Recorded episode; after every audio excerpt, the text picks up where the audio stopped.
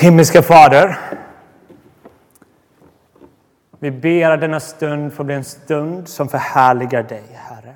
Att ditt namn ska bli helgat i våra hjärtan, Herre.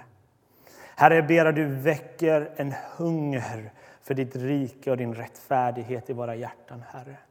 Skänk oss ett hjärta för ditt rike, Herre. Så vi tar emot Jesus som han är här, inte som en börda, men i glädje och en längtan att det finns ett annat sätt att vara människa. Amen.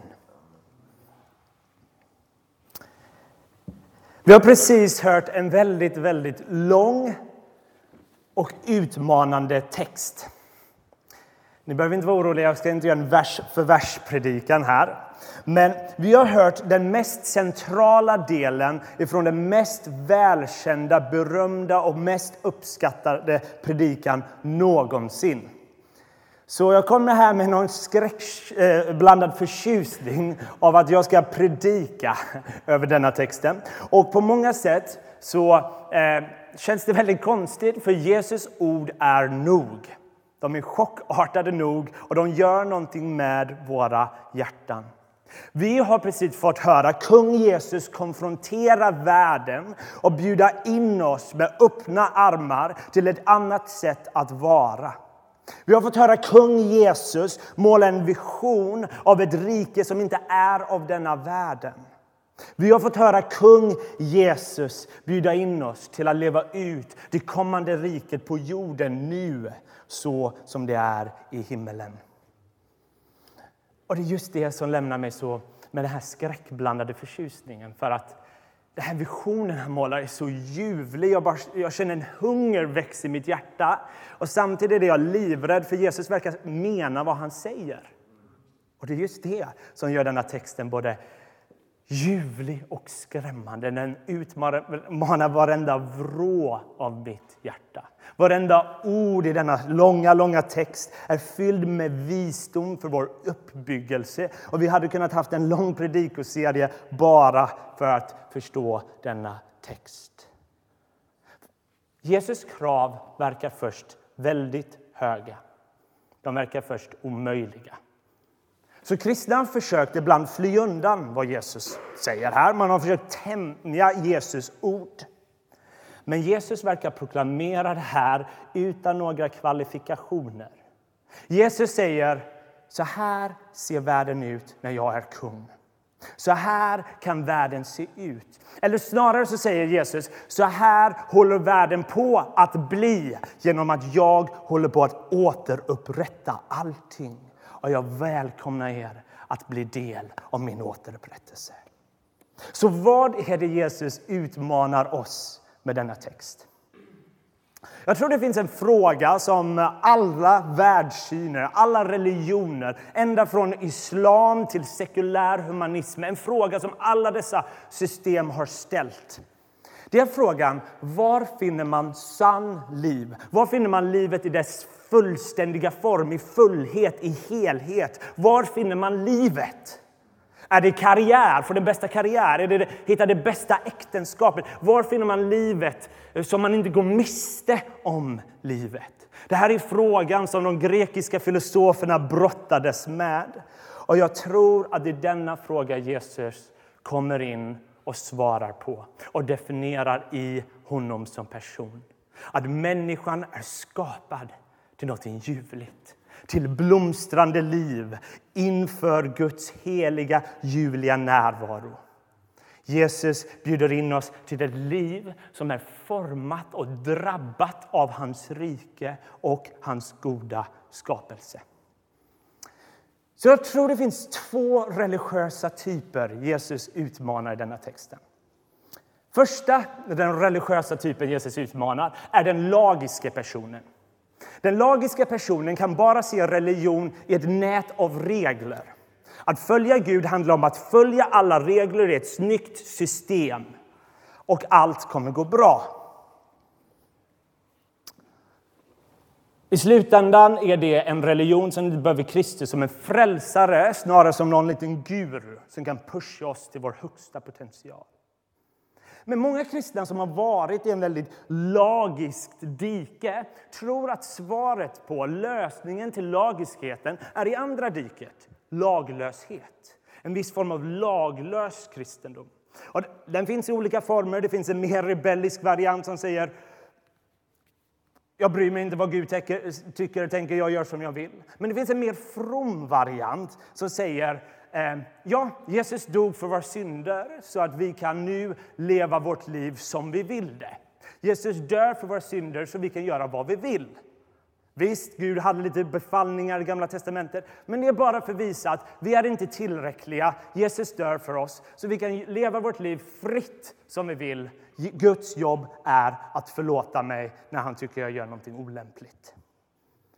Man använder egentligen Jesus för att tillbe sig själv, skulle jag säga. För man bekänner inte Jesus som Herre, man bekänner sig själv som Herre. Låt min vilja ske, är den högsta viljan. Och sanningen är att rotproblemet till den lagiska personen och den laglöse är samma rotproblem. Båda har, har totalt missuppfattat vem Gud är. Båda har en korrupt gudsbild. Ingen förstår att Gud är far. För den lagiske, när den hör Gud befalla någonting så tänker de att Gud befaller saker så vi inte roar oss tillräckligt mycket i denna världen. Så, så att han försöker stoppa oss för att vi inte har för många njutningar i världen. Vi inte ska vara för glada och så vidare. Så Gud, Gud ser till att vi, att vi inte har för kul. Men den laglöse ser egentligen Gud på samma sätt. När Gud befaller någonting är det bara för att krossa oss inte för att visa var blomstrande liv är. Inte för att visa att här är vägen där det finns blomstrande liv som är linje med skapelsen. Här finns ett annat sätt att vara, där livet i dess fullhet finns. Så Jesus kommer in, konfronterar både den lagiska och laglöses hjärta och säger att det finns en bättre väg, en vackrare väg ni är tänkta för njutbar, glädjefylld skönhet. Jesus kommer med någonting som är bortom lagiskhet och laglöshet. Han kommer för att dö för oss, ge oss av förlåtelsen men sen börja återupprätta oss för att vi kan ta del av det blomstrande livet som vi var skapade till. Så i denna text har vi hört väldigt många saker. Men vers 17-20 är bergspredikans huvudtes. Det är den tes som kommer genomgå hela predikan, även utöver texten vi hörde. Det är när Jesus kommer säga, jag har inte kommit för att förstöra, förkasta lagen. Jag har kommit för att uppfylla den. Och sen vers 20 säger Jesus något skrämmande. Jag säger er att om inte er rättfärdighet överträffar det skriftlärdas och fariseernas så kommer ni inte in i himmelriket. Vad är det Jesus håller på med? Det där låter inte som goda nyheter. Om det är någonting vi vet om fariseerna när vi kollar till eh, hur de eh, agerade i judendomen vid den här tiden var att de var ju de religiöst begåvade. På många sätt var fariseerna de som var likast Jesus. De var konservativa i frågor om Bibelns auktoritet när det var många andra judar som ville ifrågasätta det.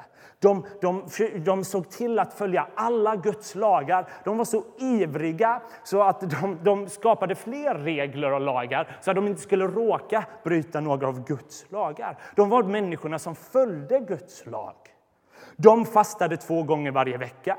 De gav minst sitt tionde varje vecka. Och Jesus säger, det räcker inte. Ni håller inte måttet. Och så gör han en konstig grej. Han vänder sig till en annan grupp. En grupp vanliga människor med fiskare, prostituerade och säger ni måste ha en rättfärdighet som överträffar dessa proffs. Vad i hela världen håller Jesus på med? En, ett sätt som många kristna tror jag, intuitivt tänker är så här. Ja, Jesus, precis. Ingen människa kan nå upp till denna rättfärdighet. Så att vi behöver ta emot Jesus rättfärdighet genom tro. Vi får ta emot Jesus som en gåva. Hans rättfärdighet är min.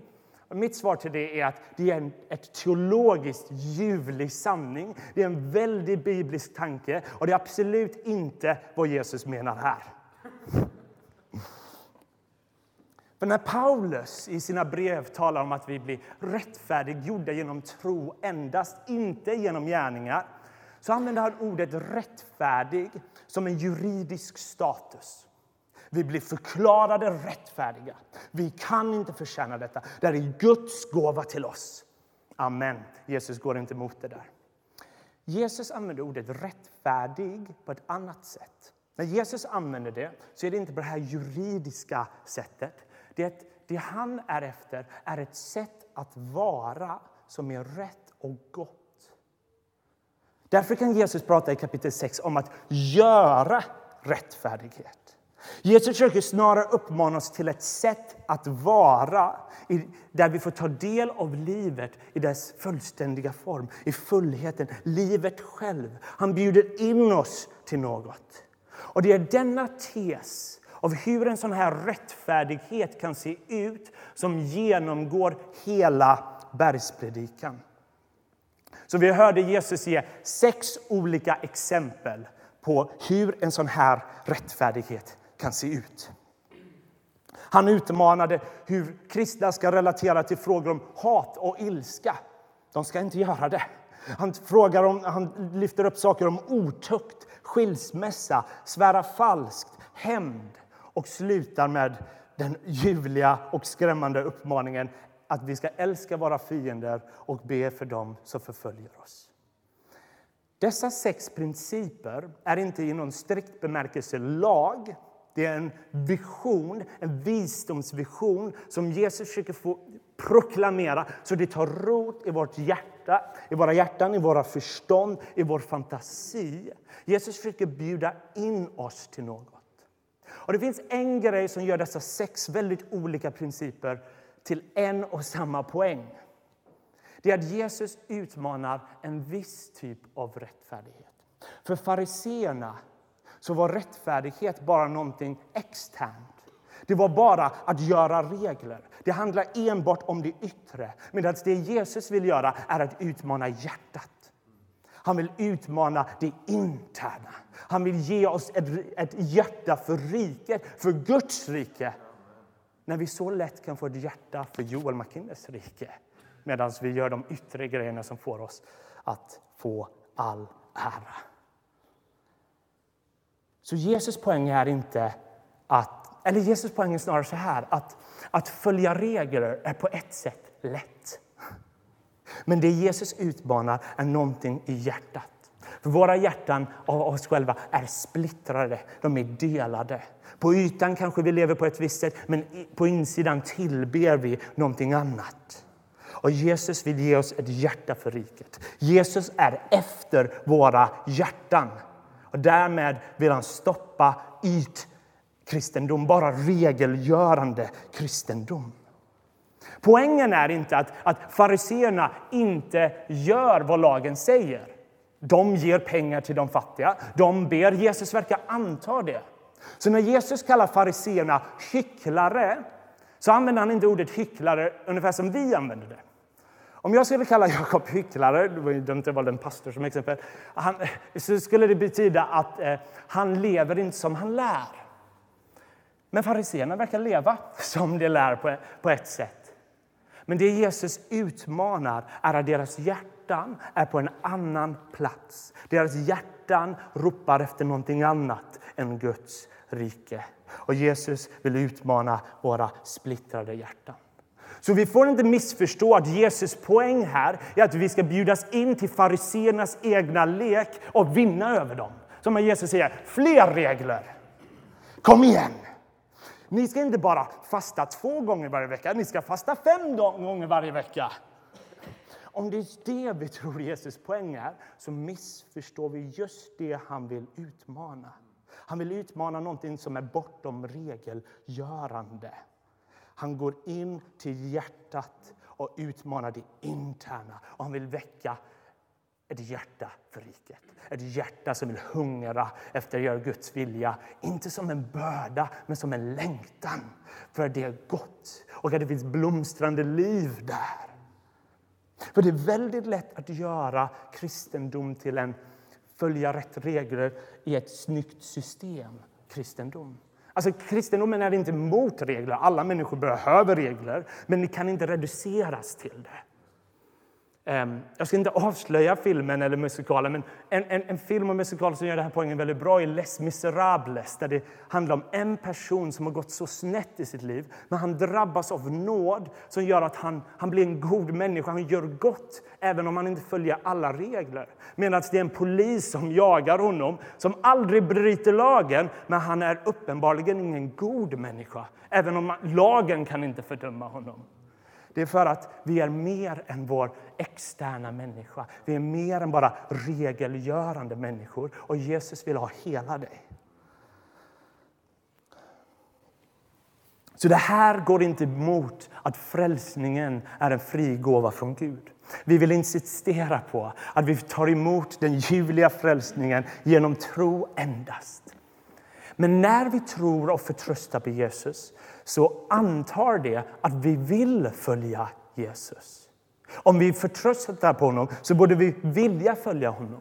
För tro i Nya testamentet är mer än en torr kognitiv filosofisk övertygelse. Det är långt mer relationellt. Det handlar om att man vill ha Kristus. Det handlar inte om att kunna vandra livet perfekt, men vi hungrar. Vi ser Kristus och det han har att erbjuda säger vi, vi vill ha det där.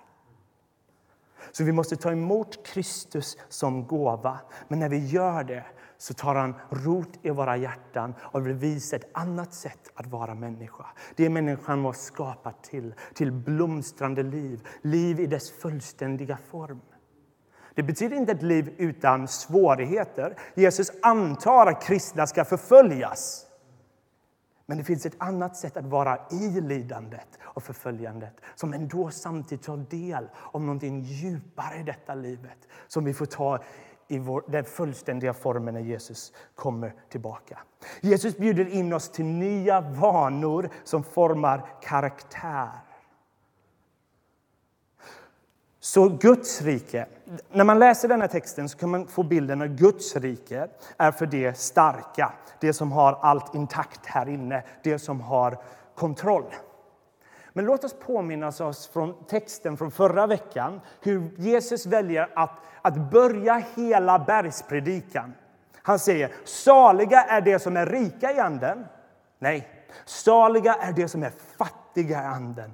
De tillhör himmelriket. Alltså det är inte de som har allting intakt, allt som har på sin plats och säger att jag klarar allt detta, Jesus. Snarare är det de som inser sig totalt beroende av Gud, så Gud börjar övervälda av sin rikedom till oss.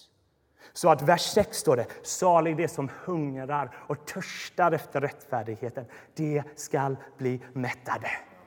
Gud ger det som ett löfte att det han påbörjar i oss skall han fullborda. Så det Jesus vill göra denna eh, predikan är att väcka en hunger i oss. Där vi vill inte leva längre som oss Där vi vill ha Jesus som Herre över universum istället för oss själva. Där vi vill hungra efter Kristus och den rättfärdighet han vill dela ut till oss. Och Det leder oss till sista versen från dagens text. Där Jesus säger Var fullkomliga så som er fader i himlen är fullkomlig. Det grekiska ordet bakom fullkomlig, telios, översätts ibland som perfekt. Och båda de här översättningarna, fullkomlig perfekt, är korrekta översättningar men väldigt vilseledande på svenska. För Man kan få bilden att Jesus säger så här. Var moraliskt perfekt som jag är moraliskt perfekt. Och då leder det till förtvivlan. Jag har aldrig träffat en moraliskt perfekt människa men jag tror inte det är poängen. För om det var poängen så tror jag fariseerna hade sagt Amen Jesus, det är just det vi säger. De där prostituerade, de där fiskarna, de är idioter, de är galna som tror att de kan följa lagen så perfekt som oss. Men min aning är att det var inte direkt deras känsla när Jesus sa detta. Jag tror det grekiska ordet har en nyans som, som inte kommer in i svenska på samma sätt, som, som har lite mer det här av var odelad, var hel, var hel som din himmelska fader är hel. Var odelad som din himmelska fader är odelad. Alltså, låt inte bara ditt yttre vara för Gud, låt det inre och det yttre vara förenat. Och när vi inser att det är Jesus poäng så sammanfattar Jesus vad han har gjort i hela predikan. Jesus är ute efter våra hjärtan. Och Detta är det som genomgår hela bergspredikan. Kapitel 6, där utmanar han fariseerna att, att de, de ger pengar till de fattiga men de gör det endast för att de, folk ska se det, så att de förhärligas. De lever för att de ska få äran, inte Gud. Senare utmanar Jesus i bergspredikan. Du kan inte tillbe två saker i ditt hjärta samtidigt. Du kan inte anse pengar vara det mest ovärderliga som finns och Gud samtidigt. Det är omöjligt. Jag kallar er till att helt hjärta, delat hjärta, där du lever i det inre även för Gud. Och Jesus säger egentligen att det andra sättet att vara, det här splittrade sättet att vara, leder inte till blomstrande, det lever snarare till en viss form av ångest. Och därför säger han, sök först hans rike och hans rättfärdighet, så skall ni också få allt det andra också. Jesus utmanar oss för att vara på ett helhjärtat sätt. Ett helhjärtat sätt. Där Gud utmanar våra splittrande, eh, splittrade hjärtan och vad vi egentligen, våra hjärtan riktar oss mot. Och därför bjuder han in oss när Gud säger var som mig. Var fullständigt hel. Ungefär som Gud är helt hel, odelad i sitt ljus, odelad i sin kärlek. Han är inte splittrad när han ger av sin kärlek. Så det är en inbjudan att, att komma till honom och smittas av av honom. För det finns något mer ljuvligt där. Kristendomen är inte mot njutningar, utan den vill att du ska maximera dina njutningar, men den vill bara rikta om det till det mest njutbara som finns, Gud själv. Kristendomen är inte mot glädje, utan den vill rikta om vår glädje och säga att världen säger att ultimat glädje finns i karriär, i pengar, i sex. Och Gud säger ni missar livet. Ni missar det blomstrande livet. Det leder till tomhet. Jag vill ge er någonting ljuvligare. Rikta era hjärtan till mig. Där finns det blomstrande hjärtat. Var hel. Och den här versen för den bibelsprängde eh, var hel så som himmelske Fader är hel. För den bibelsprängde så kanske man inser att det ekar en annan text. Gud, eh, Gud säger i Gamla testamentet ibland, var helig som jag är helig. Och det är intressant att Jesus väljer att byta ut ordet. Anledningen jag tror att Jesus inte väljer ordet helig är för att fariseerna hade smutskastat ordet. Så att helig handlar om regelgörande och inte hjärtat. Men så var det aldrig tänkt i Gamla testamentet. Lyssna på Jesaja 29. Herren sa, detta folk nalkades mig med ord, deras läppar ärade mig, men deras hjärtan var långt ifrån mig. Deras gudsfruktan var inlärda människobud. Så om och om igen, både i Gamla testamentet och Jesus i Nya testamentet, så säger Gud så här. Var barmhärtig, för det är den typ av Gud jag är. Var förlåtande, för det är den typ av Gud jag är.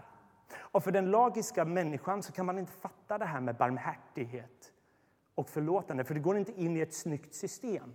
Det går inte in i ett regelsystem. När ska jag visa barmhärtighet? När ska jag visa det här? Och det är just det Jesus vill utmana. Han bjuder in oss till ett sätt att vara där vi drabbas av vem Gud är, där hans barmhärtighet smittar av sig. Så att om vi är människor som aldrig visar barmhärtighet, aldrig visar kärlek, aldrig visar förlåtande, så kan vi inte ha känt Gud. För det är så karaktäristiskt av den guden vi känner och tillber. Så om vi tillber så borde det här smittas av. Och därför bjuder han in oss om vi känner oss obarmhärtiga. Kom till mig och ni ska bli mättade. Så det här med att vara hel, att vara på det här helhjärtade sätt. Det handlar inte om att vi i hjärtat här ska vara fri från bröstenhet och ha allt under kontroll här inne. Verkligen inte. Snarare tvärtom. Eh, salig är den som är fattig i anden. Vi måste någonsin inse vår bröstenhet. Men Gud är efter att vår inre människa kan faktiskt också hungra efter Gud, längta efter Gud. Det betyder inte att våra känslor känner alltid för det, men det finns någonting ändå inre som säger låt din vilja ske över min vilja. Och jag tror att det är det här hela Nya testamentet bjuder in oss till. Vad det innebär att leva under den ljuvlige kung Jesus. Så när Jesus bjuder in oss till detta så är det upp, självklart så att det här kommer bli fullbordat när Jesus kommer tillbaka. Men Jesus vill inte att vi ska nöja oss med att vänta till hans återkomst.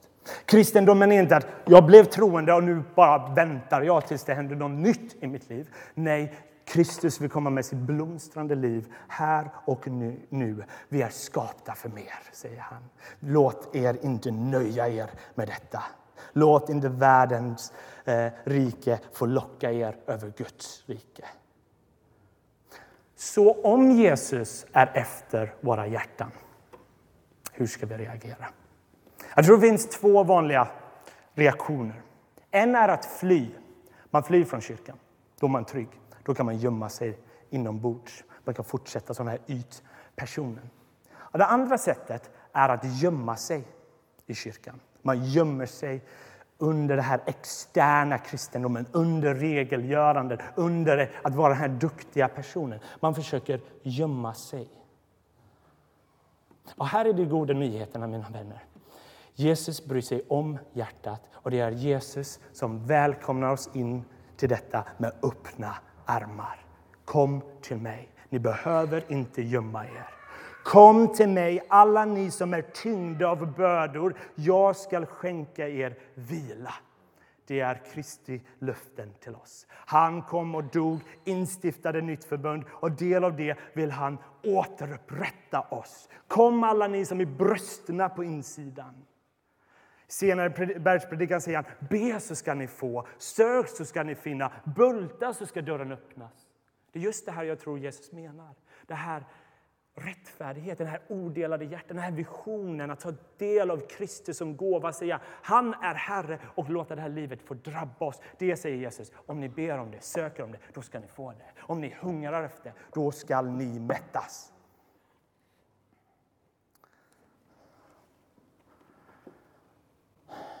Och så var det att en del fariseer såg vad Jesus erbjöd och sa det vill jag ha. Är det även för mig? Och det var det. Många fariseer såg Jesus, tog emot honom som gåva och var fängslade av personen Jesus. Och nu var de befriade för första gången och levde i glädje för Jesus. Men tragiskt nog var det många fariseer som sa nej kan vara några här inne som har tänkt på liknande sätt. Man säger så här till Jesus. Jesus, jag kan följa lite regler och sådär, men här inre människan, här på insidan, det har inte du med att göra. Det här, här är jag Herre. Jag kan göra lite yttre grejer, men håll dig undan Jesus. Och Det kan vara så att du inte upplevt att höra Herrens röst på länge. Är det så att du har sagt nej Jesus? Inte där. Bara lite det här externa, Jesus, det gör jag, men inte i min inre människa. Om det är så, ta emot Jesus ord. Kom till mig, alla ni som är tyngda av bördor. Jag ska skänka er vila. Kristus vill inte bara ge en liten del av honom, han vill ge hela sig till oss. Och om det är så vi vill be till honom, Herre, ge mig hela Kristus, så är det en bön han älskar att besvara. Så när vi hör den här uppmanan att be om det här odelade hjärtat, ta inte emot Jesus då som en börda. Ta emot honom snarare som någonting att längta efter.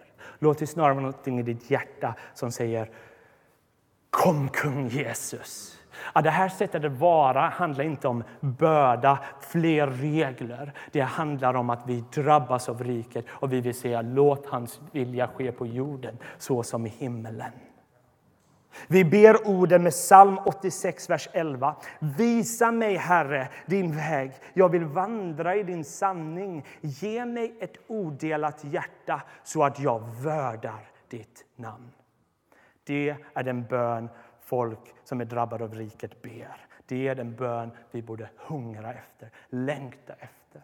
Så min vädjan till denna församling är att vi kollektivt tillsammans kommer inför Herren och säger Herre, ge mig ett hjärta för riket. Inte som att vi ska starta någon form av fromhetstävling mellan oss. Visa vem som är mest uppstyrd, vem som kan följa mest regler. Snarare vill vi tillsammans drabbas av riket. Så det fäster sig i vårt hjärta, i vårt förstånd, i vår fantasi. Så det drabbar hela vår existens, hela vårt liv. Det är ett läskigt erbjudande Jesus har, för han vill ge hela sig till oss. Men det är det vägen till det blomstrande livet, livet i dess fullhet är när vi bekänner Jesus som kung Jesus i glädjefylld lydnad. Inte i den bördofyllda lydnaden, i glädjefylld lydnad. Så, kristna är inte kallade till att förvandla världen. Det kanske låter konstigt. Men vi är kallade till att vittna med vårt liv om den Eh, värld som Gud håller på att förvandla. Det är Gud som är igång i denna världen. Han håller på att förvandla, han håller på att återupprätta och vi kallas att reflektera det när han gör sitt jobb i våra hjärtan. Jesus visar oss ett nytt språk. Tro, hopp och kärlek. Det är det kristna språket. Det är kungarikets språk. Så låt oss ta emot denna text som vi har hört snarare som en aptitretare. Någonting vi kan längta efter, någonting vi vill hungra efter. Låt oss be. Herre, vi kan så luras att det, livet i dess fullhet och fullkomlighet är endast när vi får eh, det jobb vi vill ha, endast när vi får det äktenskap vi vill ha. Allt det här världen säger, där är det riktiga livet, Herre. Och alla de grejerna är goda saker, Herre. Men Herre, jag ber att du väcker ett hjärta för riket där vi snarare finner att, att tillbe och tjäna dig är det mest ovärdeliga som finns. Att när vi är funna i dig så finns det inget som kan skilja oss från din kärlek, Herre. Inget kan skilja oss från Kristi kärlek, varken nöd eller ångest, varken förföljelse eller svält. Och när vi har dig så är det nog. Du är tillräcklig, Herre. Så börja med återupprättandet i mitt hjärta, Herre. Vår himmelska Fader.